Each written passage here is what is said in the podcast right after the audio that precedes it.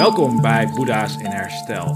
Dit is de podcast van Recovery Dharma Nederland. Uh, tijdens deze podcast hebben we het over herstel van verslaving en hoe we daarbij de boeddhistische beoefening en principes inzetten.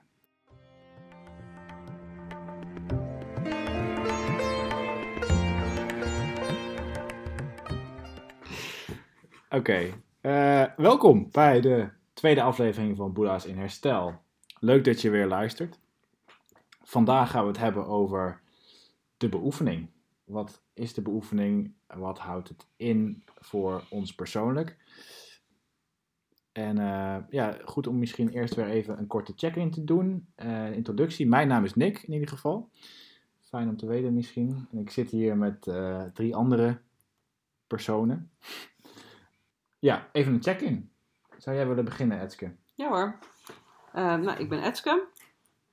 Ja, hoe zit ik erbij? Ik ehm, ben een beetje gespannen. Ik heb best wel een pittige week achter de rug. Dus ik merk dat ik ehm, ja, snel ongeduldig ben. Ik denk dat dat het beste woord is. Hm. Ja. We hebben wel zin in. Dank je. Uh, ik ben Ilse. Um, nou, ik voel me op dit moment goed. En dit is eigenlijk vooral omdat uh, we nu in een ruimte zitten waar ik nog niet eerder ben geweest. En uh, het is een hele interessante ruimte. Hoi, ik ben Rogier. En ehm, ja, mijn dag begon met absolute chaos en uh, heel veel uh, chagrijn. En, uh, maar gelukkig uh, is dat weer weggeëpt. En ik vind het leuk om, om hier weer te zijn en met jullie te zitten. Oké, okay, dankjewel. Dus ik zal ook nog even vertellen hoe ik erbij zit. Mm -hmm. mijn dag begon ook met een hoop ontevredenheid en vermoeidheid. inmiddels zit ik er een stuk rustiger bij en ben ik vrolijk en enthousiast. En ook weer een beetje gespannen voor de tweede aflevering. Maar uh, ja, ik heb er zin in. Laten we beginnen. Zeker. Laten we doen.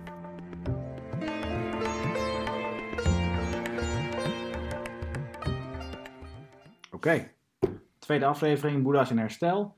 We gaan het vandaag hebben over de beoefening. De beoefening uh, omschrijft wat we eigenlijk doen in Recovery Dharma, de verschillende aspecten van ons programma. En het is ook iets wat we tijdens elke bijeenkomst even voorlezen ter herinnering. En uh, ja, we gaan het vandaag even doornemen en uh, ook reflecteren op onze eigen ervaringen en bevindingen uh, met die aspecten. Etske, zou jij willen beginnen met het voorlezen? Jazeker. Onthechting. We begrijpen verslaving als een allesoverheersende drang die aanzet tot het dwangmatig drinken, gebruiken of destructieve gedragingen. Dit alles om te ontsnappen aan de realiteit van alle dag, zoals afkeer van pijn en het willen vasthouden aan en het verlengen van plezierige ervaringen. Het is onze intentie om ons te onthouden van alcohol en andere verslavende middelen of destructieve gedragingen in ieder geval voor vandaag. Voor degenen onder ons die in herstel zijn van een procesverslaving en voor wie geheel onthouding geen optie is, committeren wij ons aan heldere grenzen ten aanzien van destructief gedrag, bij voorkeur in samenspraak met een mentor of een therapeut. Oké, dankjewel. Uh, er wordt veel gezegd tijdens dit stukje. Misschien fijn om even persoonlijk te reflecteren op uh, wat het voor jou betekent. Ja, ik wil er eigenlijk wel iets over zeggen. Ja? Ik denk sowieso voor mensen die uh, zelf weinig van verslaving weten, is misschien handig om even uit te leggen. Je hebt natuurlijk een, uh, wat wij noemen een alcohol- en middelenverslaving. En dan gebruik je uh, middelen of alcohol om je geest te verruimen, dus om ergens niet bij te zijn. Maar voornamelijk ook het woord procesverslaving is denk ik voor mensen niet helemaal duidelijk. Hmm. Uh, procesverslaving ben je verslaafd aan een bepaald gedrag. Uh, nou ja, je ziet vaak ook bijvoorbeeld verslaving met eten of gokverslaving. Uh, nou ja, dat zijn dingen, sommige dingen zeker, eten is denk ik een goed voorbeeld. Je kan niet zonder eten. Als je alcoholverslaving hebt, kun je zeggen je drinkt niet maar je kan niet zonder eten. En dan moet je, dat is best wel heel lastig om dan voor jezelf te bepalen wat is gezond En wat is mijn verslaving? Hmm. En eh, nou ja, dat is denk ik wel ook een heel belangrijk eh, stuk van ont- onthechting gaat natuurlijk het loslaten van, ehm, ja, van verslaan, van het hechten aan middelen, van het hechten aan gedragingen. Ehm, ja, en dat, dat is denk ik een van de essentiële dingen die wij doen natuurlijk. En waar je ook gewoon dagelijks tegenaan loopt. Ja. Het is niet zozeer van, oh je drinkt niet meer en dan is het klaar. Eh, dat is iets wat elke dag eh, terugkomt. En dan misschien eh, voor mij niet meer zozeer alleen maar gericht op alcohol. Maar je ziet dat de geest het zich gewoon op een andere manier dan gaat proberen om dat te vervangen. Hm. Eh, vind ik ook mooi. Er staat hier, eh, dat is ook wel een hele herkenbare uitspraak eh, in de herstel community, is just for today. In ieder geval voor vandaag. Dus als je nuchter wil blijven, dan doe je dat voor vandaag. En morgen is morgen. Is heel erg in het nu. Dat vind ik een mooie uitspraak. Ja, ja. Ja, want als je tegen jezelf zegt van nou, ik mag nooit meer drinken of nooit meer gebruiken, kan dat vaak voor veel mensen een vrij zware uitspraak zijn. Of dat kan heel erg overweldigend lijken in eerste instantie. Ja. Eh, het houden bij vandaag eh, geeft iets meer ruimte. En, eh, ja. Een van de eerste velstrikken, hè, op het moment dat je zegt van ik ga het nooit meer doen, Ja. ja. dan, dan zet je jezelf een soort van eh, ja, vast voor failure. Ja. Want eh, ja, terug, eh, terugvallen en dergelijke, eh, de cravings waar je niet tegenop kan. Ja. In die zin is zo'n uitspraak als ehm, eh, alleen voor vandaag. Zeker toen ik begin eh, van herstel was, was dat de uitspraak waar ik naartoe ging. Alleen voor vandaag. Verder kan, kon ik ook eigenlijk niet meer denken. Ja. Dus ja. Ja. Dat eh, gewoon voor vandaag. Maar ook eh, waar je op wees op het eh, woordje onthechting. De, de alinea begint met dat woordje. Ehm, ik kan me voorstellen dat het voor sommige mensen soms wat eh, vervreemdend klinkt, dat woordje onthechting. Mhm. Ehm, maar het is eigenlijk heel definiërend. Eh, niet omdat, eh, omdat zeker als je net in herstel bent, je eigenlijk ehm, vanuit de ervaring komt dat je je verslaving bent. Sterker nog, je bent je gedrag. Mhm. Dat, dat zat zo in je patroon en zo in, in je wezen. En daar ben je eigenlijk helemaal mee verstrikt. Dus de oefening is inderdaad ook om ehm, verslaving te begrijpen als een soort van definitie, zoals we die ook voorgeven. Eh, we begrijpen verslaving als een alles overheersende drang. Ja. En door die definitie te geven, kun je er vervolgens ook grip op krijgen. En omdat je er grip op krijgt, kun je inderdaad ook jezelf los gaan maken van dat gedrag. Kun je jezelf gaan onthechten. Ja. Eh, dus ik denk dat het inderdaad wel een van de, ja, van de allereerste ervaringen is. Ehm, en ja, precies waar jij op wees ook. eh, dat, dat verschil. er, eh, wij brengen geen verschil aan tussen middelenverslaving en procesverslaving. Maar misschien nog even over onthechting. Ja. Want eh, ik vroeg me dat wel af. Want ehm, betekent het dat, stel je voor dat je net bij Recovery Dharma komt voor de eerste keer, dat je ook direct abstinent moet zijn? Of betekent het ook dat je misschien nog eh, in je verslaving verstrikt kan zitten en ben je dan ook welkom? Want onthechting gebeurt niet van de een op de andere dag. Wat jij ook al zei, je bent je, bent je verslaving als het ware als je eh, eh, nog geen kennis hebt gemaakt met herstel. Ehm, Dat is in ieder geval de ervaring. dat is de ervaring je vaak. ervaart dat je dat bent Ja, en dat je dat moet. Ja. Eh, maar ja, tegelijkertijd juist, we zeggen ook heel nadrukkelijk, eh, het is onze intentie om ons te onthouden. Dus het is heel goed mogelijk, denk ik, dat je eh, op die eerste momenten dat je met ons in aanraking komt, of sowieso met herstel in aanraking komt, dat je nog eh, verstrikt bent in. ja, maar die intentie is wel van belang. ja, Als je ja, gewoon verstrikt en al binnenloopt zonder een intentie van, dan, ja, dan wordt het lastig. ja, Nou, ik ben wel een goed voorbeeld van iemand die nog wel gebruikt. Het is, ja, ik heb dus medicatie afgebouwd en ik heb het nog niet helemaal afgebouwd.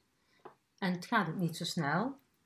Dus ik heb wel al veel afgebouwd en daar ook veel tijd aan besteed. Maar eh, het gaat ook nog een tijd duren. Dus wat betreft eh, dat middel ben ik niet clean. Hmm. Heb je wel de intentie om zeg maar clean te worden van dat, dat specifieke middel? Ja, natuurlijk. Ja. Alleen ja, nu zijn er twee middelen. Van, ik, van het andere medicijn wil ik ook graag vanaf. En eh, nou ja, ik, ik wissel een beetje tussen die twee. Ik ben nu bezig met het ene af te bouwen. En ergens in december ga ik weer verder met het andere middel. Hmm.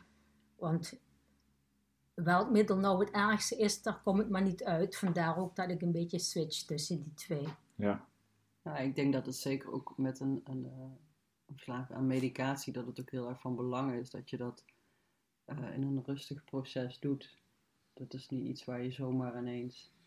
eh, ja, dat verschilt natuurlijk ook een beetje. Ik herken het ook wel ehm, als je dan hebt over procesverslaving. Ja, mijn intentie is om op. eh, ik, ik kan dan ook met een eet, eetproblematiek. Ja, dan is mijn intentie ook om daar gezond mee om te gaan. Maar soms zijn er dagen dat dat niet lukt.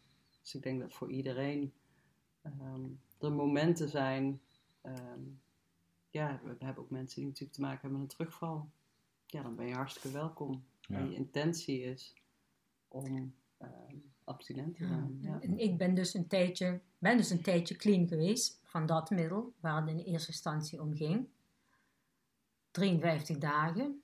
En de laatste weken was ik bij verslavingszorg elke week erover in gesprek. Dat ik zei van nou, ik, eh, dit is geen doen zo, ik hou er niet uit. Dus eigenlijk hebben we daar de tweede helft van eh, mijn therapie hebben daar, eh, heb ik daar telkens over gepraat. En uiteindelijk op het laatst, in de laatste week van mijn therapietijd daar, besloot ik wel weer om wat te slikken. Omdat het gewoon, het gewoon niet maar. Dus bij die verslavingszorg, die, gaan, eh, die willen graag eh, dat je helemaal clean bent. En die proberen dat ook al vrij snel.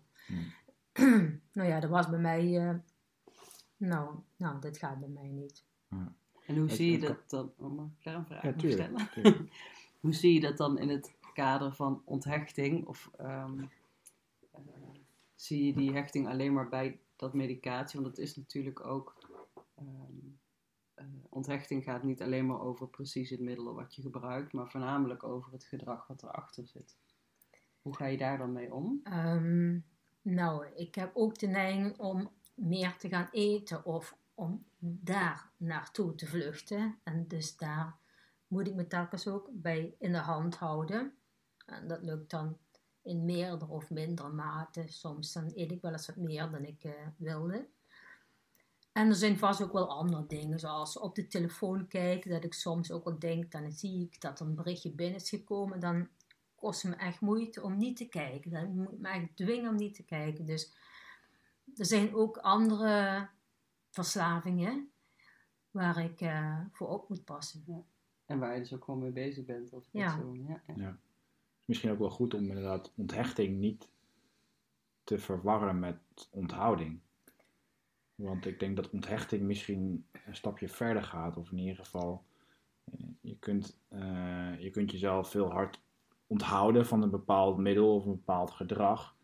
Ehm, en ik denk ook dat, eh, dat dat niet per se iets slechts hoeft te zijn. Maar als je daarnaast niet de intentie hebt om jezelf te onderzoeken, je eigen geest te onderzoeken en vanuit daaruit jezelf kunt gaan onthechten, dan blijft het simpelweg bij het niet doen. Het niet doen van een bepaald gedrag of het niet tot je nemen van een bepaald middel.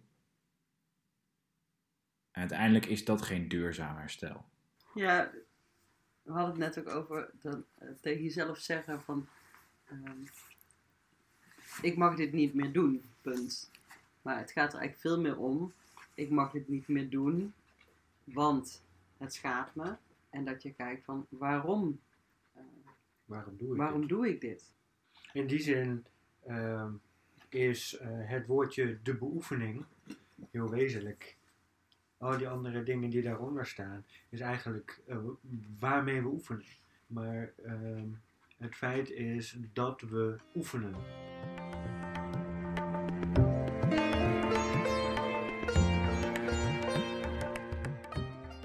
Meditatie.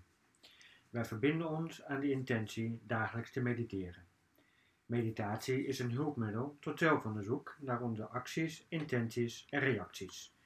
Meditatie is een persoonlijk proces dat ons in staat stelt een gebalanceerde inspanning te vinden die van toepassing is op ons pad. Ja. Meditatie. ja, je zou bijna zeggen, want daarmee is alles gezegd. Eh, maar opnieuw, er staat natuurlijk heel veel. De, ik bedoel, toen wij net begonnen met Recovery Dharma, hebben we een hele tijd, iedere dag eh, samen gemediteerd. Mhm. En dat hebben we dan online gedaan. Ja. Eh, dat was toen een heel goed begin. Ja, Ehm, maar het is ook gewoon goed voorstelbaar, en eh, zo ervaar ik dat zelf ook, dat je op een gegeven moment ehm, ja, eh, daar wat meer ruimte in, eh, in, in schept. Ehm, naar bijeenkomsten gaan is hoe dan ook goed. Maar eh, ja, op een gegeven moment ga je misschien wat minder mediteren. En daar is op zich ook niks mis mee. Eh, precies omdat er wat ook wordt gezegd van ehm, het is een gebalanceerde inspanning vinden die van toepassing is op jouw pad. Ja. Dus waar ben je op dat moment? Eh, en wat is dan de balans? Want op het moment dat je zegt, ik, moet ik moet iedere dag mediteren, Ja. dan kom je weer uit bij dat gebod. ja, En dan heb je een grote kans dat je de oefening misloopt. Omdat je zegt van, ik moet mediteren. En dan, ja, Want dan wordt het een taak, hè? En dat is niet per se helpend. Eh, als, als iets een taak wordt, dan eh, is er misschien ook een bepaalde verwachting die eraan, va- die eraan vasthangt. Want als je dan zegt van, nou, ik, ga da- ik moet dagelijks mediteren en dat doe ik dan ook. Met wat voor verwachting ga je dan zitten? Is het dan iets wat je wil, wat je wil bereiken? En uiteindelijk, in ieder geval, zo begrijp ik meditatie, van oké, ik ga zitten en ik onderzoek wat er gebeurt.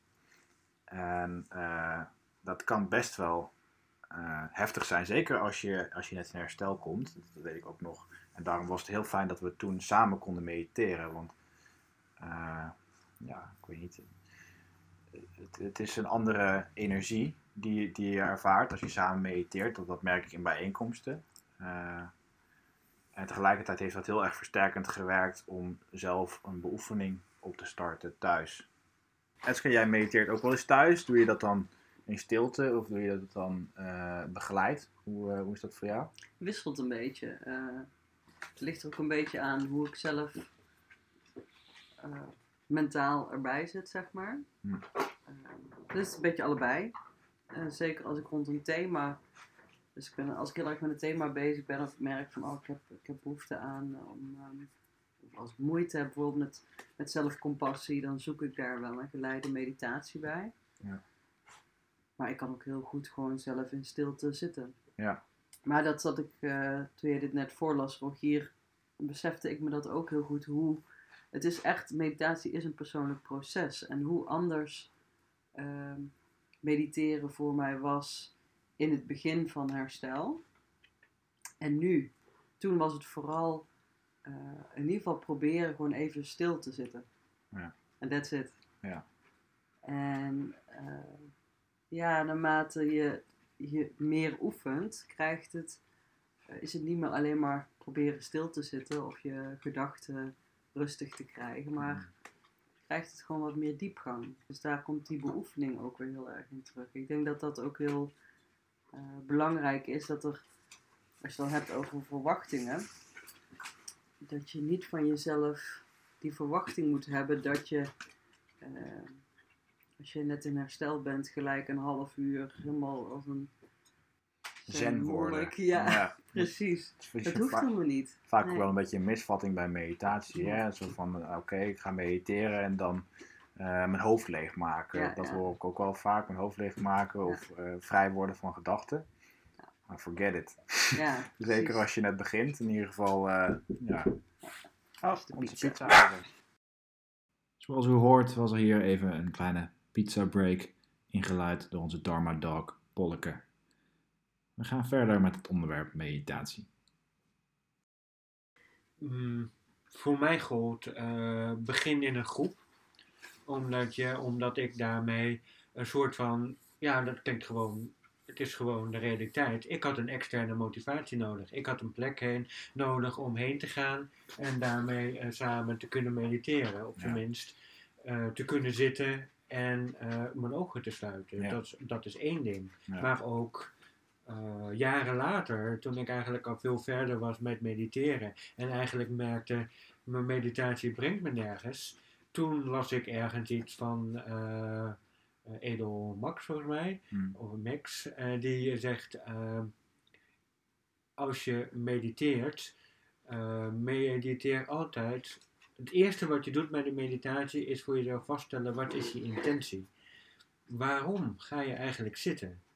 Ehm, en dat heeft mij opnieuw heel erg geholpen om bij mezelf inderdaad na te gaan. Ik kwam laatst eh, bij meditatie van Tara Brach, kwam ik dat opnieuw tegen. Ergens eh, aan het begin van de meditatie zegt ze van, het eerste wat we nu samen gaan doen, is voor jezelf vragen, wat is de intentie van je hart?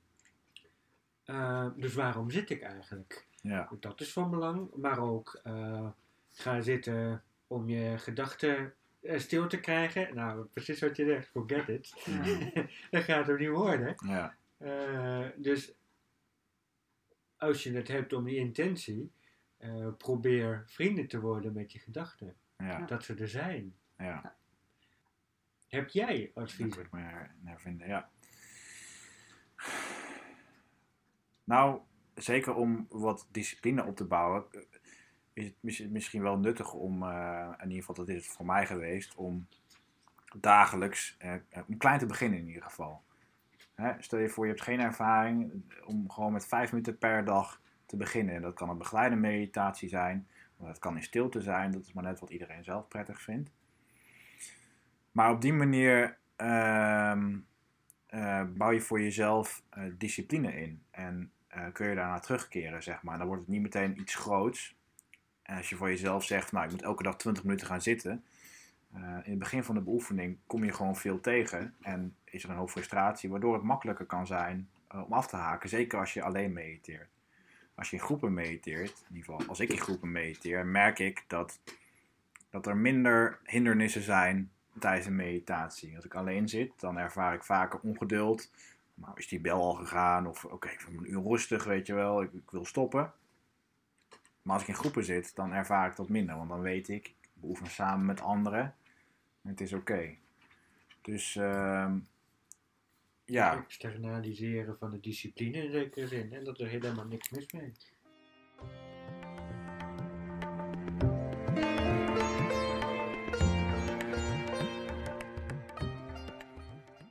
Bijeenkomsten.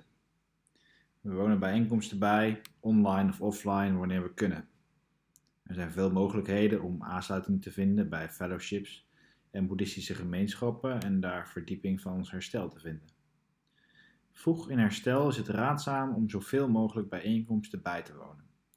Voor sommigen onder ons betekent dat op dagelijkse basis een bijeenkomst. Je verbinden aan de Sangha is van essentieel belang voor herstel. Wij bieden onze diensten en ervaringen aan waar mogelijk. Ik meen me te herinneren dat toen jij begon met, eh, eigenlijk voordat we begonnen met Recovery Dharma Nederland, Mhm. dat je vertelde dat je op de het pad kwam van Recovery Dharma Global. Mhm. En dat je jezelf toen voornam om iedere dag een bijeenkomst voor te nemen. Ehm, hoe, eh, hoe, hoe was dat voor jou? Dat was heel fijn. Dat was, eh, ik kwam toen inderdaad uit een, nou, een soort van ja, crisissituatie, kan ik het wel noemen. Vrij hevige depressie en, en, en vol in gebruik geweest toen. Ehm, en de commitment om elke dag die bijeenkomst bij te wonen, gaf mij zekerheid. En eh, wat ik vooral fijn vond, is dat ik terecht kwam in een groep met mensen die wisten hoe het voelde om te zijn waar ik was. Om uit te kunnen spreken wat er gaande was. En ehm, ja, en ook op, op die manier zeg maar kennis te maken met, met meditatie eh, gezamenlijk. En dat ik daar niet alleen hoe in hoefde te zijn. Want als ik dat niet had gedaan, of als ik alleen zeg maar eh, zou gaan mediteren of eh, aan mijn herstel willen werken, dan was ik heel veel tegengekomen dat, eh, ja, wat ik zeg maar niet kon delen. En dat is voor mij essentieel om het te kunnen, te kunnen delen. En dat, dat vond ik daar heel erg. Ik vond daar veiligheid en ruimte waar alles voor mocht zijn. En een anker. Een anker. om naar terug te keren dagelijks. Ja. Ja. Ja. En dat, dat dagelijkse was voor mij op dat moment heel waardevol. Mhm. Want dat was wat ik toen nodig had. En voor jou, hoe ervaar jij de bijeenkomsten? Jij doet bijvoorbeeld op dit moment vooral online bijeenkomsten? Of... Ja, ik zit nu eh, regelmatig de online eh, bijeenkomst eigenlijk bij. Eh, deels omdat ik vanuit mijn werk eh, niet meer eh, voor mij mogelijk is om, eh, om deel te nemen aan de fysieke meetings. Ehm, eh, het is goed. Het is, eh, nou ja, ik noemde net het woordje anker. Eh, de bijeenkomsten zijn in die zin voor mij wel eh, vaste momenten in de week om even stil te staan bij, eh, bij mijn herstel. En ehm, even te reflecteren op wat de, wat de week of wat de dagen met mij hebben gedaan. En hoe, eh, eh, hoe daarmee op een gezonde manier mee om te gaan. Ja. Eh, nou ja, goed, dat ik, zoals we eigenlijk al zeiden aan het begin van, van Recovery Dharma. Toen was er voor mij nog de mogelijkheid om iedere dag samen met jou te mediteren. En samen een bijeenkomst te hebben. Ja. En dat was toen ontzettend waardevol inderdaad. Omdat dat bracht ritme. Eh, dat bood een moment van, van samen zijn. Van mogelijkheid om te kunnen delen. Ehm, kijk, eh, ik denk waar ik zelf ook nog een beetje mee worstelde, is ehm, dat hier staat. Er zijn vele mogelijkheden om aansluiting te vinden bij eh, fellowships en boeddhistische gemeenschappen, om daar verdieping van ons herstel te vinden. Ehm, en ik weet niet zeker wat ik daarmee wil zeggen, maar ik kan me namelijk wel herinneren dat ik, eh, voordat ik bij Recovery Dharma zat, zat ik ook bij een groep om te mediteren. Ehm, maar daar kon ik wel mijn meditatie in verdiepen. Mhm. Maar ik voelde mij, ja, omdat het toch, omdat ik niet zeker wist of dit, eh, dit een groep was die ging over herstel. En of dat dan eh, wa- ervaringen waren die ik kon en mocht delen, Mhm. eh, voelde ik me daarin beperkt. Ja. En in die zin zou ik wel aanraden dat ehm, probeer je beoefening, hoe dan ook, te combineren zoveel mogelijk met bijeenkomsten die het voor jou mogelijk maken om te delen over jouw herstel. Ja. Eh, want dat was voor mij, eh, als we het hebben over Recovery Dharma en de bijeenkomsten, is een van de grote meerwaardes het herkennen van elkaars proces en het eh, delen van die ervaringen. Ja. Eh, dus je kunt oefenen in, in meditatie, eh, want daarvoor zijn er een heleboel mogelijkheden. Vaak in je dorp, in je stad zijn er echt wel eh, groepen die zich bezighouden met meditatie. Ik zou zeggen, vooral gaan. Dat helpt je in de meditatie. Eh, maar bezoek ook bijeenkomsten voor herstel. Want die gemene deler is wel echt eh, eh, een waardevol instrument. Ja, zeker. Ja, ja inderdaad. Want inderdaad, eh, ik ben ook wel eens eerder bij meditatiegroepen geweest. En eh, daar ligt de, focus toch op, eh, eh, niet, niet per se op verslaving, terwijl, terwijl dat af en toe gewoon wel nodig is. Wat je zegt, de herkenning te vinden bij elkaar. Dat zorgt ervoor dat de drempel gewoon een stuk eh, lager is om Mhm. ergens over te delen. Zeker als het iets ja, wat heftiger is, misschien of iets, iets direct met gebruik te maken heeft, of met, met terugval.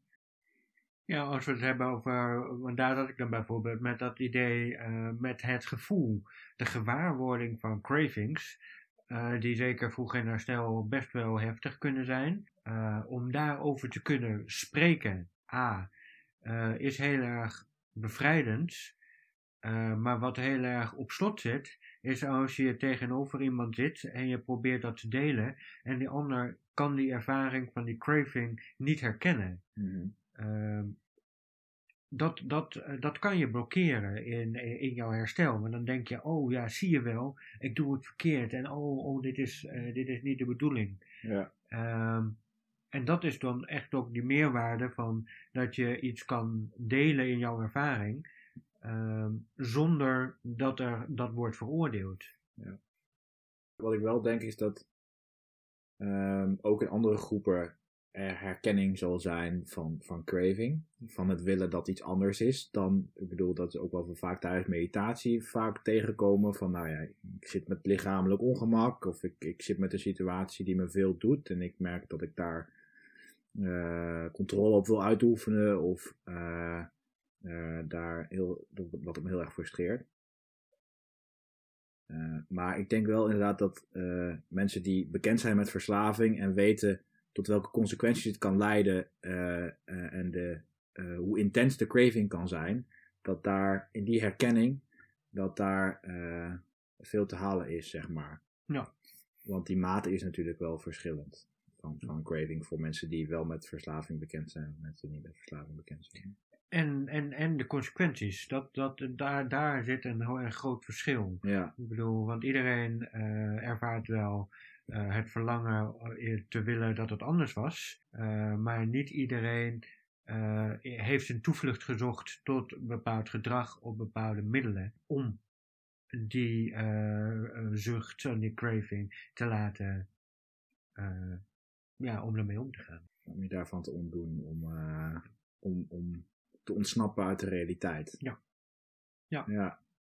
En de bijeenkomst, dat is misschien wel goed eh, voor mensen die het niet weten, wat, wat, eh, wat doen we daar? ja, hoe ziet de bijeenkomst eruit? Ja, wat doen we eigenlijk tijdens de bijeenkomst? Ehm nou ja, heel in het kort gezegd, eh, we hebben even een landingsmoment uh, waarop precies zoals we dat bij de podcast eigenlijk ook doen, dat we even een check-in hebben. Eh, we heten elkaar welkom, Eh, we gaan de kring rond. Eh, bij de kring hoe is, het helemaal niet nodig om jezelf te identificeren aan de hand van je verslaving. Maar je mag je wel jezelf identificeren aan de hand van hoe je er op dat moment bij zit. Wat, jouw, wat jouw stemming is op dat moment. Ja, en dat is eigenlijk ook gewoon even hoe je er op dit moment, ja, hoe je zit in de groep. Ja. Dat is, Dat is allemaal een heel mooi begin, hè? dat inchecken. Dat is echt een moment van, van mindfulness. Om Ja. bij jezelf te raden te gaan van, oh, ik ben, ik ben nu hier. Ja. Eh, wat, wat gebeurt er? Zeker. Een mooi begin. Eh, daarna lezen we een paar teksten, eh, waaronder de beoefening, zoals we daar nu stap voor stap mee bezig zijn. En we lezen ja, de vier nobele waarheden en het achtvoudige pad. Dat komt eigenlijk steeds weer terug. Ehm, ja, de beoefening als een soort van eh, herinnering aan hoe wij oefenen. Eh, en de ja, vier nobele waarheden en het achtvoudige pad als eh, ja, dat is ons pad. En het fundament is goed om daar even, even terug naar te keren van hé, hey, dit is het pad zoals we dat eh, de intentie hebben om het te lopen. Ja. ja, klinkt heftig. De vier nobele waarheden en het achtvoudige pad. Mhm. Zeker voor mensen die misschien eh, geen ervaring hebben met het boeddhisme. Ehm, maar het lijkt me goed om daar misschien een volgende aflevering eh eens wat meer aandacht aan te besteden. Dat we dat wat meer kunnen gaan uitdiepen. Dat zeker, ja. Ja. Ehm, ja. Daarna, eh, wat doen we daarna? Daarna gaan we mediteren. daarna gaan we mediteren. Ja, er is eh, een, een begeleide meditatie. We zitten ja, altijd vaak wel begeleid. Hè? Ja. En meestal is er iemand van onze groep die een meditatie begeleidt. Of er wordt een meditatie van het internet geplukt. En eh, daar gaan we dan eh, eh, naar luisteren gezamenlijk, zodat iedereen kan beoefenen. En daarbij worden ook wel instructies gegeven. Zeker als je nog geen ervaring hebt met meditatie, ehm, is er echt wel ruimte om even een moment te nemen om jezelf bijvoorbeeld eh, uit de ruimte te verwijderen als dingen te heftig voor je zijn. Zeg maar, er is echt geen eh, bepaalde vereiste dat je heel hard stil moet blijven zitten. Eh, de, de kunst is in ieder geval, het is zaak om voor jezelf te zorgen. En dat adviseren we vaak ook. Ja, eh, wat onderdeel eigenlijk van, van de instructie is, je mag de ruimte nemen om voor jezelf te zorgen. En dat, ja, dat is van belang, ook voor, om dat voor jezelf aan te kunnen voelen. en te weten dat je dat voor jezelf aan mag voelen. Ja. Eh, dat is ook onderdeel van de beoefening. En daarna, Is na de meditatie, nou, dan is er nog eh, vaak een lezing. Ja, inderdaad. We lezen vaak een tekst eh, uit ons boek Recovery Dharma. zoals, we die, zoals je die online kunt vinden of eventueel kunt bestellen. Ehm, en vaak sluit de tekst, of wat we vaak proberen, is dat de tekst aansluit bij de meditatie. Dat hoeft niet, maar dat is vaak wel een beetje wat we proberen. En daarna gaan we delen. Daarna gaan we delen. Ja. ja. En luisteren naar elkaar. Ja. Ja. En eh, dat is voor mij, eh, ja, in, in combinatie met, met, met de meditatie, is dat, eh, dat ja, vind, vind ik heel fijn. Daar ervaar ik heel veel verbinding in. De ene bijeenkomst meer dan de andere. Want laten we eerlijk zijn, soms dan, dan is er een bijeenkomst waarbij, waarbij je dat minder voelt. Uh, maar het is in het delen en in het luisteren de, de kwetsbaarheid die, die mensen bieden. bieden? Mhm. ja. Waarin ik vaak herkenning vind en verbinding ervaar. Uh, de kwetsbaarheid van emoties die gewoon er mogen zijn. Ervaringen die mensen mee hebben gemaakt, de ervaringen in, in meditatie. Uh, alles mag er gewoon even zijn. En Het proberen, we, we proberen bij delen eigenlijk, dat zeggen we vaak ook vooraf, dat we de ervaringen door veel mogelijk bij onszelf proberen te houden. Dus uh, op het moment dat, uh, dat ik deel, deel ik vanuit mijn ervaring. Ja. Uh, en dat, ja, dat is van belang, omdat je daarmee ook niet anderen probeert te sturen. Het enige wat je de ander namelijk kan geven, is jouw eigen ervaring. En meer dan dat hoeft er ook niet te zijn. Juist. Ja. En dat kan juist heel helpend zijn. Zowel voor jezelf als voor de ander. Ja. En daarbij is het ook niet de bedoeling dat we reageren op elkaar. Ja. Dus als iemand deelt, uh, bedanken we diegene in de vorm van een, uh, volgens mij is het een gashoop. Okay, dus je zeg ja. maar je, je handen Ja. bij elkaar houdt. Uh, en is er even de ruimte om die woorden tot ons te laten komen. Om even te voelen van nou, wat deed dat met mij, zeg maar, die share. En daarna is dat ook klaar. Ja. En dan is er, uh, de afspraak is dat we niet reageren, dat we geen advies bieden. Uh, we kunnen natuurlijk later na de bijeenkomst wel even vragen van nou ja, zou ik daar nog op mogen reageren? Mhm. Dat kan die persoon dan zelf bepalen. Ja. Um, als er bijvoorbeeld herkenning is of iets uh, is dat is opgevallen. Maar in principe is het zo dat, uh, dat we niet reageren op elkaar. En ik denk dat dat uh, voor een groot deel voor de veiligheid zorgt Ja. in, in de bijeenkomst. Precies. Uh, onderdeel van, dat, uh, van een stukje veiligheid is ook dat je, absoluut niet verplicht bent om te delen. Dus uh, je, hoeft, je hoeft niet te delen, je mag ook gewoon luisteren.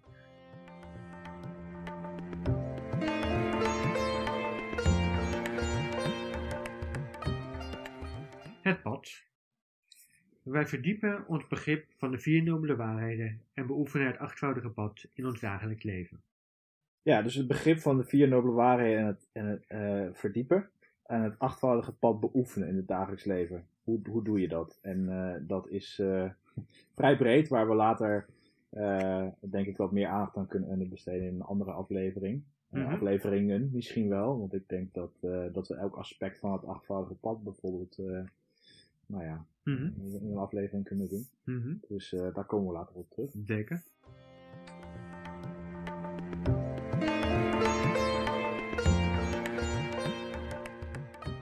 Het vijfde onderdeel van de beoefening is zelfonderzoek. We verkennen de vier nobele waarheden en hoe ze gerelateerd zijn aan onze verslaving door te schrijven en door gedetailleerd te delen over ons zelfonderzoek. Dit pad van onderzoek en het delen hierover kunnen wij samen met een mentor, een vertrouwd contact of met de groep verkennen. Als we aan het einde zijn gekomen van ons eerste schriftelijke zelfonderzoek, nemen we direct verantwoordelijkheid voor onze acties. Hier hoort ook bij dat we eerder aangerichte schade onderkennen en inzet tonen om het goed te maken waar mogelijk. Ja. Zelfonderzoek. Ja.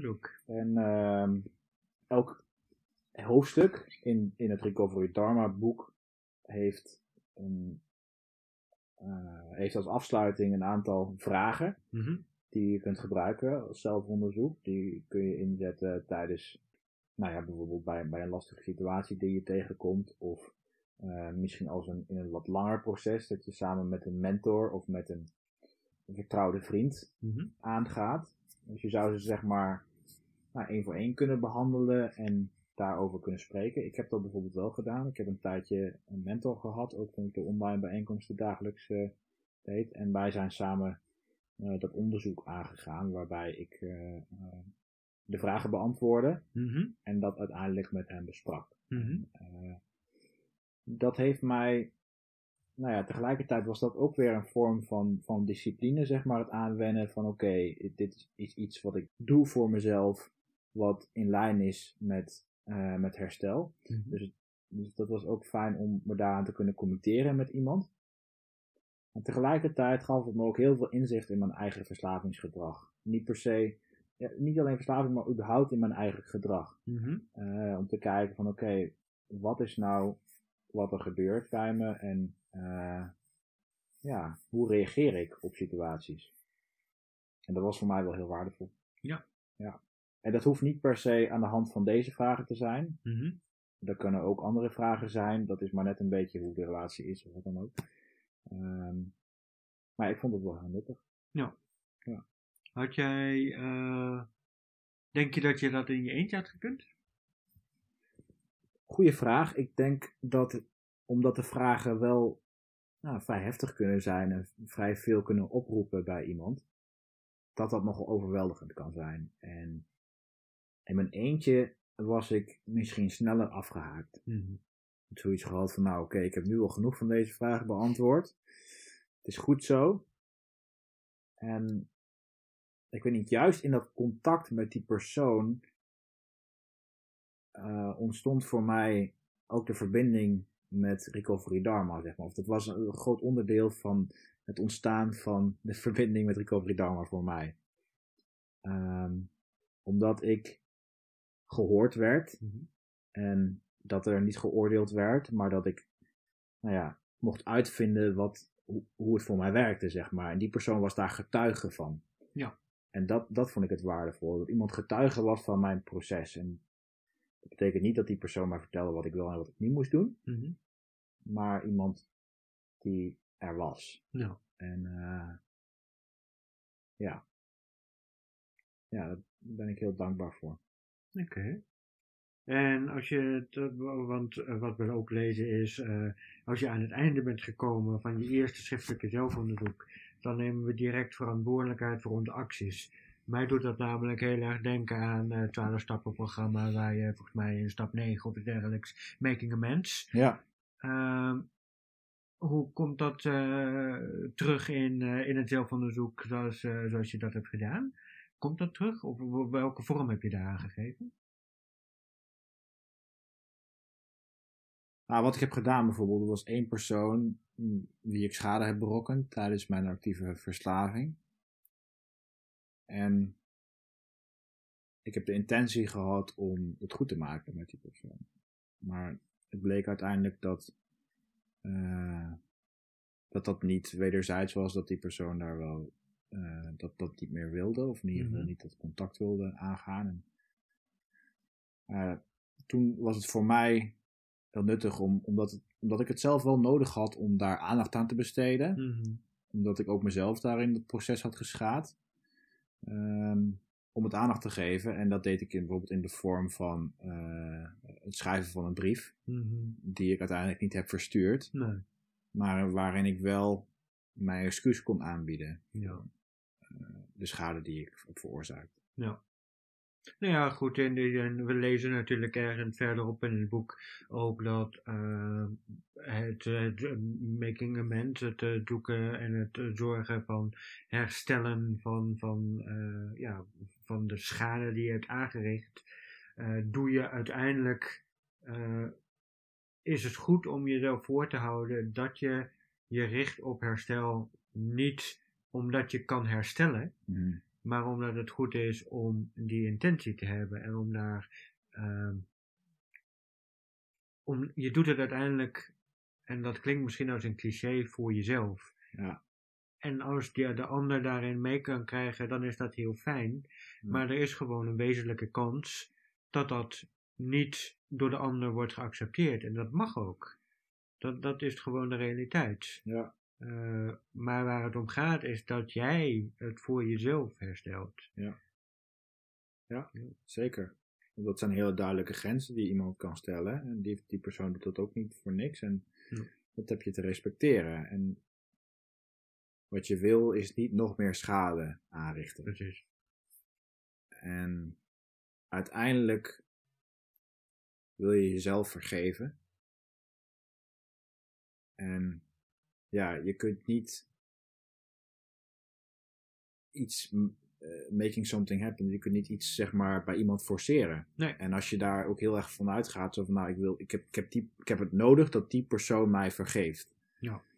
Ja, zo werkt het niet. Nee, zo gaat het inderdaad niet werken. Nee, want dat is weer iets externs. Ja. Ja. Ja. Heb jij daar ervaring mee? Of is dat iets wat voor jou... eh, Eh, ja. Eh, eh, even kijken. Als in ben jij misschien teruggekomen op bepaalde schades die je hebt aangericht? Of is daar is er iets waar je. Dat is misschien een vrij persoonlijke vraag, maar. Mhm. eh, ja, waarvoor je het moeilijk vindt om jezelf te vergeven. In de, het kader van iemand anders schade aanrichten. Ja, zeker. Eh, en daarmee, ja, die, raakt een bij, en zeker in het punt van mijn herstel aan, en dat eh, de schade die ik heb berokkend, eh, niet alleen persoonlijk, maar volgens mij ook gewoon in de realiteit onherstelbaar is. En om daarmee om te kunnen gaan, is er eigenlijk maar één weg mogelijk. En dat is vrede vinden bij de schade die is aangericht. Mm. Ehm, en ik snap, ik, ik snap namelijk heel goed dat iemand eh, wil dat die dingen ehm, geheeld worden, dat het recht wordt gezet. Maar als er één werkelijkheid is die telt, dan is het feit dat je het verleden niet in het heden kunt halen. Mm. Dat kan gewoon niet. Nee, En als je dat blijft doen, dan blijf je bezig met iets onmogelijks. nee. En voor mij geldt dan, dus als ik dat zou doen, dan zou ik blijven hangen in mijn verslaving. Ja. Om mezelf los te kunnen maken van mijn verslaving, eh, van die hechting aan ik wilde dat het anders was, eh, moet ik accepteren dat het niet meer anders kan zijn dan dat het was. Ja. En daarmee verder leven.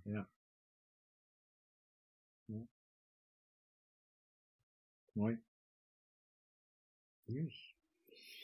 Over naar de volgende? Eh, ja, nou nog heel even over zelfonderzoek. Ja. Want ik bedoel, we hebben het nu al vrij over, over vrij zware eh, onderwerpen. Die Mhm. misschien in het begin van het herstel nog helemaal niet aan bod komen. Nou. Er zijn ook andere manieren om natuurlijk zelfonderzoek eh, te doen. In andere, andere programma's is er sprake van een dagelijks zelfonderzoek. Een stap Mhm. 10, kan ik me Mhm. herinneren.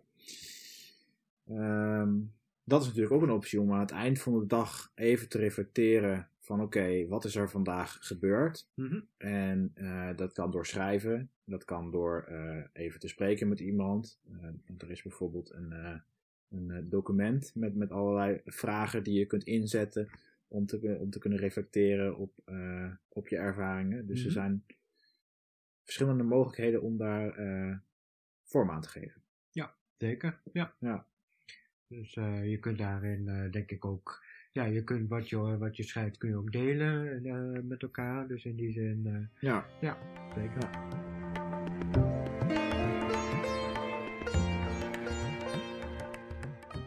Sangha, vertrouwde vrienden, mentoren. Om ons eigen herstel en dat van anderen te ondersteunen, bouwen we gezonde contacten op binnen onze Sangha. Iedereen kan binnen onze Sangha van dienst zijn, door bijvoorbeeld te helpen met opruimen, theezetten en schoonmaken. Wanneer we ons eerste zelfonderzoek hebben afgerond, een dagelijkse meditatiebeoefening hebben en bevrijding van onze verslaving hebben gevonden, zijn we toe aan mentorschap. Wanneer er geen mentoren beschikbaar zijn, kan men het zelfonderzoek aangaan met behulp van de wijsheid binnen de Sangha. Eh, voor mij is het inzicht heel belangrijk geweest eh, dat ik het niet in mijn eentje kon. Dat, eh, en dat, eh, ja, dat is eigenlijk heel wezenlijk. Eh, ook omdat dat volledig in strijd was met mijn, voor, met mijn opvatting. Mijn aangeboren, maar voor deel ook in, in mijn opvoeding meegegeven stelling je moet het in je eentje doen. Ja. Jij staat er in je eentje voor. Jij moet voor jezelf zorgen. Jij moet het doen. Eh, was het besef van herstel wezenlijk voor mij. Ik kan het niet in mijn eentje. En dat maakt ook heel eh, dankbaar. Dankbaar voor de aanwezigheid van de groep. Omdat ik precies eh, wat ik zeg, ik kan het niet in mijn eentje. Dus als die groep ehm, er niet is, ja, waar ben ik dan met mijn herstel? Mhm. Ja. De groep, ja, net ook al een beetje gezegd werd, is getuigen. Hè? Ik vind dat wel een hele mooie omschrijving eigenlijk. Getuigen en, en het weerspiegelt je eigen ervaring ook in het luisteren naar anderen. En ehm, daar zit echt wel de kracht, Ja. denk ik. De steun en de. ehm, ja. ja, ik herken me daar helemaal in, in wat jij eh, omschrijft hier. Maar dat, dat was ook mijn. eh, ja, mijn hele openbaring, denk ik, in mijn herstelproces. Van ik kan dit niet alleen. En ik had eigenlijk helemaal niet de tools om eh, het samen te doen, leren, hulp vragen, dat soort dingen. Voor mij was het dus ook essentieel dat ik toen ik mijn behandeling, of nu ben ik mijn behandeling aan het afbouwen, dat ik een, een groep buiten mijn behandeling ging zoeken. Zo Mhm. kom ik dan ook bij Recovery Dharma terecht. Omdat ik het niet, niet, ook niet meer alleen wil doen. Het lukt niet alleen, het- maar ik, ik wil het ook niet meer eh, alleen hoeven doen. Nee. Nee, en die, die, die kracht van de groep inderdaad als, als spiegel, eh, als eh, luisterend oor, als getuige, als steun. Ja, daar haal je gewoon zoveel uit. Dat kun je in je eentje niet bewerkstelligen. Nee. Ja. Nee. Ja, ik merkte dit vanochtend nog eigenlijk. Eh, zwaar weer, geen zin in de dag. En uiteindelijk start ik de computer op en woon ik een online bijeenkomst bij.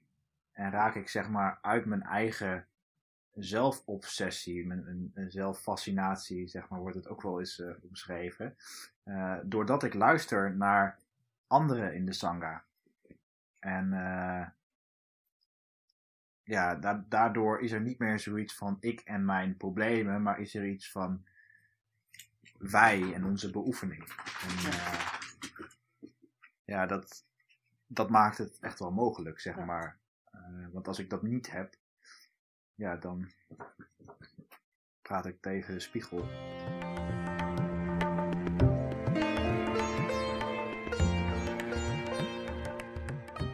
Het volgende onderdeel is groei. We werken aan steeds meer diepgang in onze beoefening en heling in herstel. Dit kan door het bijwonen van bijeenkomsten die spiritueel of herstelgericht zijn, retraites, het lezen van relevante literatuur en het luisteren naar Dharma Talks of naar een podcast. Dit is een levenslange reis van spirituele groei en ontwaken van moment tot moment. Ja. Ja. Ja, daar gaat het uiteindelijk om. Groei. Groei. Ja, Het proces van groei. Niet zozeer dat je moet groeien, maar het, het proces gaat om natuurlijk steeds meer van jezelf leren. Ja, Ja, en daarbij kun je verschillende dingen inzetten. Hè? En dat is inderdaad eh, eh, het luisteren naar, eh, naar, naar talks, naar lezingen. Of deelnemen aan stiltedagen of retraites. Misschien voor het begin van iemand die net in herstel is, niet het meest wijze om een tiendaagse stilte te gaan doen. Ik kan me nog wel herinneren dat ik dat wilde doen. Heb ik niet gedaan. oké. Een wijs besluit. een heel wijs besluit. Ja. Ja. Dat was al groei op zich. Ja, dat was goed op zich. Ja, ja, ja. Maar een, een stilte dag of, of een weekend eh, kan veel brengen. Kan veel Ja. inzichten brengen. Zeker. Ja, of een uurtje vrijmaken om, om inderdaad naar een podcast of een geleide meditatie of een, een, een lezing of zo te luisteren. Dat is gewoon. eh, Ja. het hoeft niet eens zo groot te zijn. Hè? Het hoeft niet meteen een retraite te zijn. Nee. Uiteindelijk natuurlijk wel, wel kan. Maar eh, op, op basis of ja, gewoon zelfzorg Ja. en dagelijkse zelfzorg. Vind ik het ook heel helend om eh, naar iets te luisteren wat wezenlijk is. Wat, wat, wat heilzaam is. Waarin wordt gesproken over nou minder lijden en hoe, daar, hoe daar te komen, wou ik aan zeggen. Me- het doet me ook wel een beetje denken aan wat ik ehm, mooi vind van dit pad, van deze methode. Is dat je, als je verslaving in behandeling bent, dan ben je zo, zo lang een soort. Je bent verslaafd, dan ben je voor de rest van je leven. Je bent een patiënt, er is iets mis met je, je bent in herstel. Ehm, maar je bent vooral gewoon aan het groeien. Dat is een hele andere benadering. Een veel Ehm, ja, voor mij een veel positievere benadering ook. Je hebt een, Hmm. een- een weg gekozen die niet de makkelijkste is. Waar heel veel mensen in onze samenleving kiezen die weg niet. En ehm, Wat bedoel je? Welke weg? de weg van onthouding. De weg van onthouden. Ja, de weg van ab- eh, abstinent leven. Dat is geen makkelijke weg. Ja, Niet de makkelijkste weg die je kan kiezen. Zeker niet. En eh, ja, ik zie dat heel graag in, in het ka ja, meer in het, in, in, als een positieve keuze, als een positieve manier van aan jezelf werken, Ja. dan aan ja, die, die, die benadering van je, ja, je bent die verslaafde. En eh, ja, dat is nu van mijn visie. Ja, ik denk, eh, voor mij geldt vooral, eh, we werken aan steeds meer diepgang in onze beoefening en herheling en herstel. Voor mij is dat woordje diepgang vooral, eh, je gaat, hoe meer je bezig bent en hoe vaker je bezig bent met de beoefening, je gaat het steeds meer doorleven. Want zeker in het begin, en als je begint met het programma, misschien zelfs wel onbekend bent bij meditatie, dan voelt het eerst alsof je een soort van techniek aan het leren bent. Hè? Het zitten en, al dat, en het hebben over compassie. Ja. Waar heb je het eigenlijk over? Het is Ja. maar een woord. Ja. Eh, en met de jaren heb ik wel steeds meer geleerd eh, dat, ehm, dat het niet het inzicht is in het begrip, maar dat het het voelen is van dat begrip. Hmm. Als we het hebben over compassie, eh, was ik in eerste instantie heel erg op mijn hoofd gericht, maar het heeft zich steeds meer doorgezakt naar mijn hart. Hmm. En ik kan steeds meer voelen van, hé, hey, je hebt wel erg weinig compassie op dit moment voor jezelf, Rogier. Ja. Misschien mag je, mag je daar op een andere manier naar jezelf kijken. Hmm. En dat is voor mij groei. Ja. Dat is voor mij diepgang. Ja. Ja, ja, ja. Ja. Ja, mooi. Heel mooi. Zeker. Want we kunnen heel veel lezen en heel veel begrijpen over wat herstel zou moeten zijn en, en waar we zeg maar, zouden in moeten geloven. In welk model. Van heel, vanuit het model zeg maar Ja. van oké, eh, zo werkt het Ja. en, en dat moet ik doen. Dus dan is het goed zeg maar. Precies. Maar uiteindelijk Ja. vergt het gewoon beoefening. Ja. En vergt het tijd Precies. en is het een, is het een levenslang proces. Ja. Ja. En dat niet stopt. Ja, en ik denk ook, ik, daar moet ik dan even, aan, als je het hebt dan over dat voelen, ehm, eh, dat we, dat we ja, dat stukje van ons ontwikkelen, daar zit denk ik ook het herstel in. Dat je die, dat je gaat durven voelen. Dat je eh, ook pijn gaat durven voelen. En ehm, ja, dat is, ja, dat, dat, Dat je stukje er- ontwikkelt. Ja. mag je vertrouwen dat je langzamerhand jezelf daarin kan opvangen. Ja, precies. precies wat je zegt, je mag, je mag durven die pijn te voelen in het vertrouwen. En dat leer je in het programma en in deze, dit pad. Je leert te vertrouwen erop dat je jezelf kunt opvangen. Precies.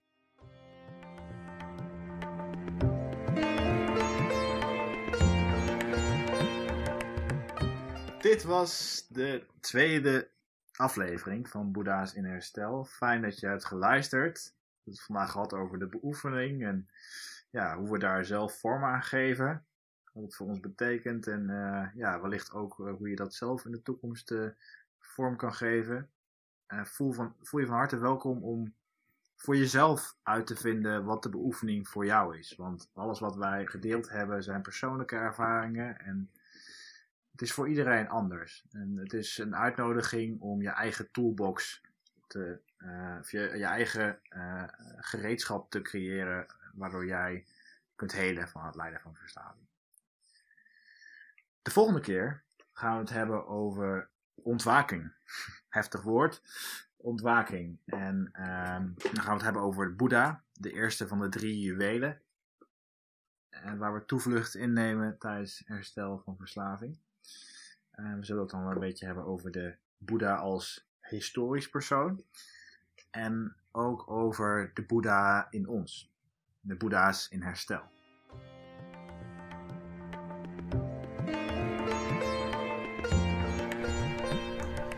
Voor meer informatie over onze groep en onze organisatie Recovery Dharma kun je terecht op recoverydharma.nl. Daar is ook ons boek te vinden. Er zijn meditaties te vinden. eh, ook een link naar ons YouTube kanaal waarmee je kunt oefenen. En er staat ook informatie op over onze bijeenkomsten.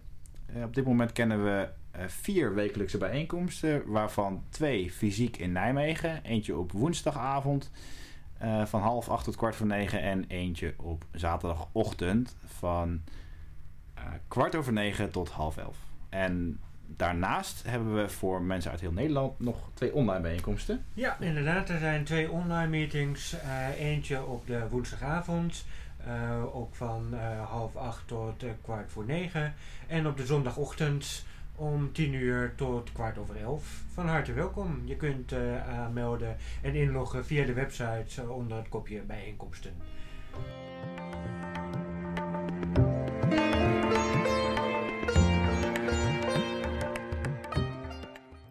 Wens tot verlichting. Verbinding ontstaat niet op een specifieke plek, maar in de openheid en warmte van ons wezen.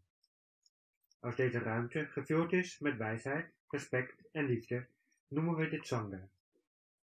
We hopen dat de pijn van verslaving, trauma en isolement ons terugleidt tot ons hart, zodat we compassie, wijsheid en verandering nog beter begrijpen.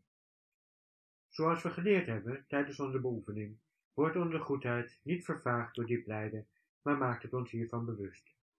Mogen we onze beoefening zo goed mogelijk inzetten en mogen we de vrijheid die eruit voortkomt met alle levende wezens delen.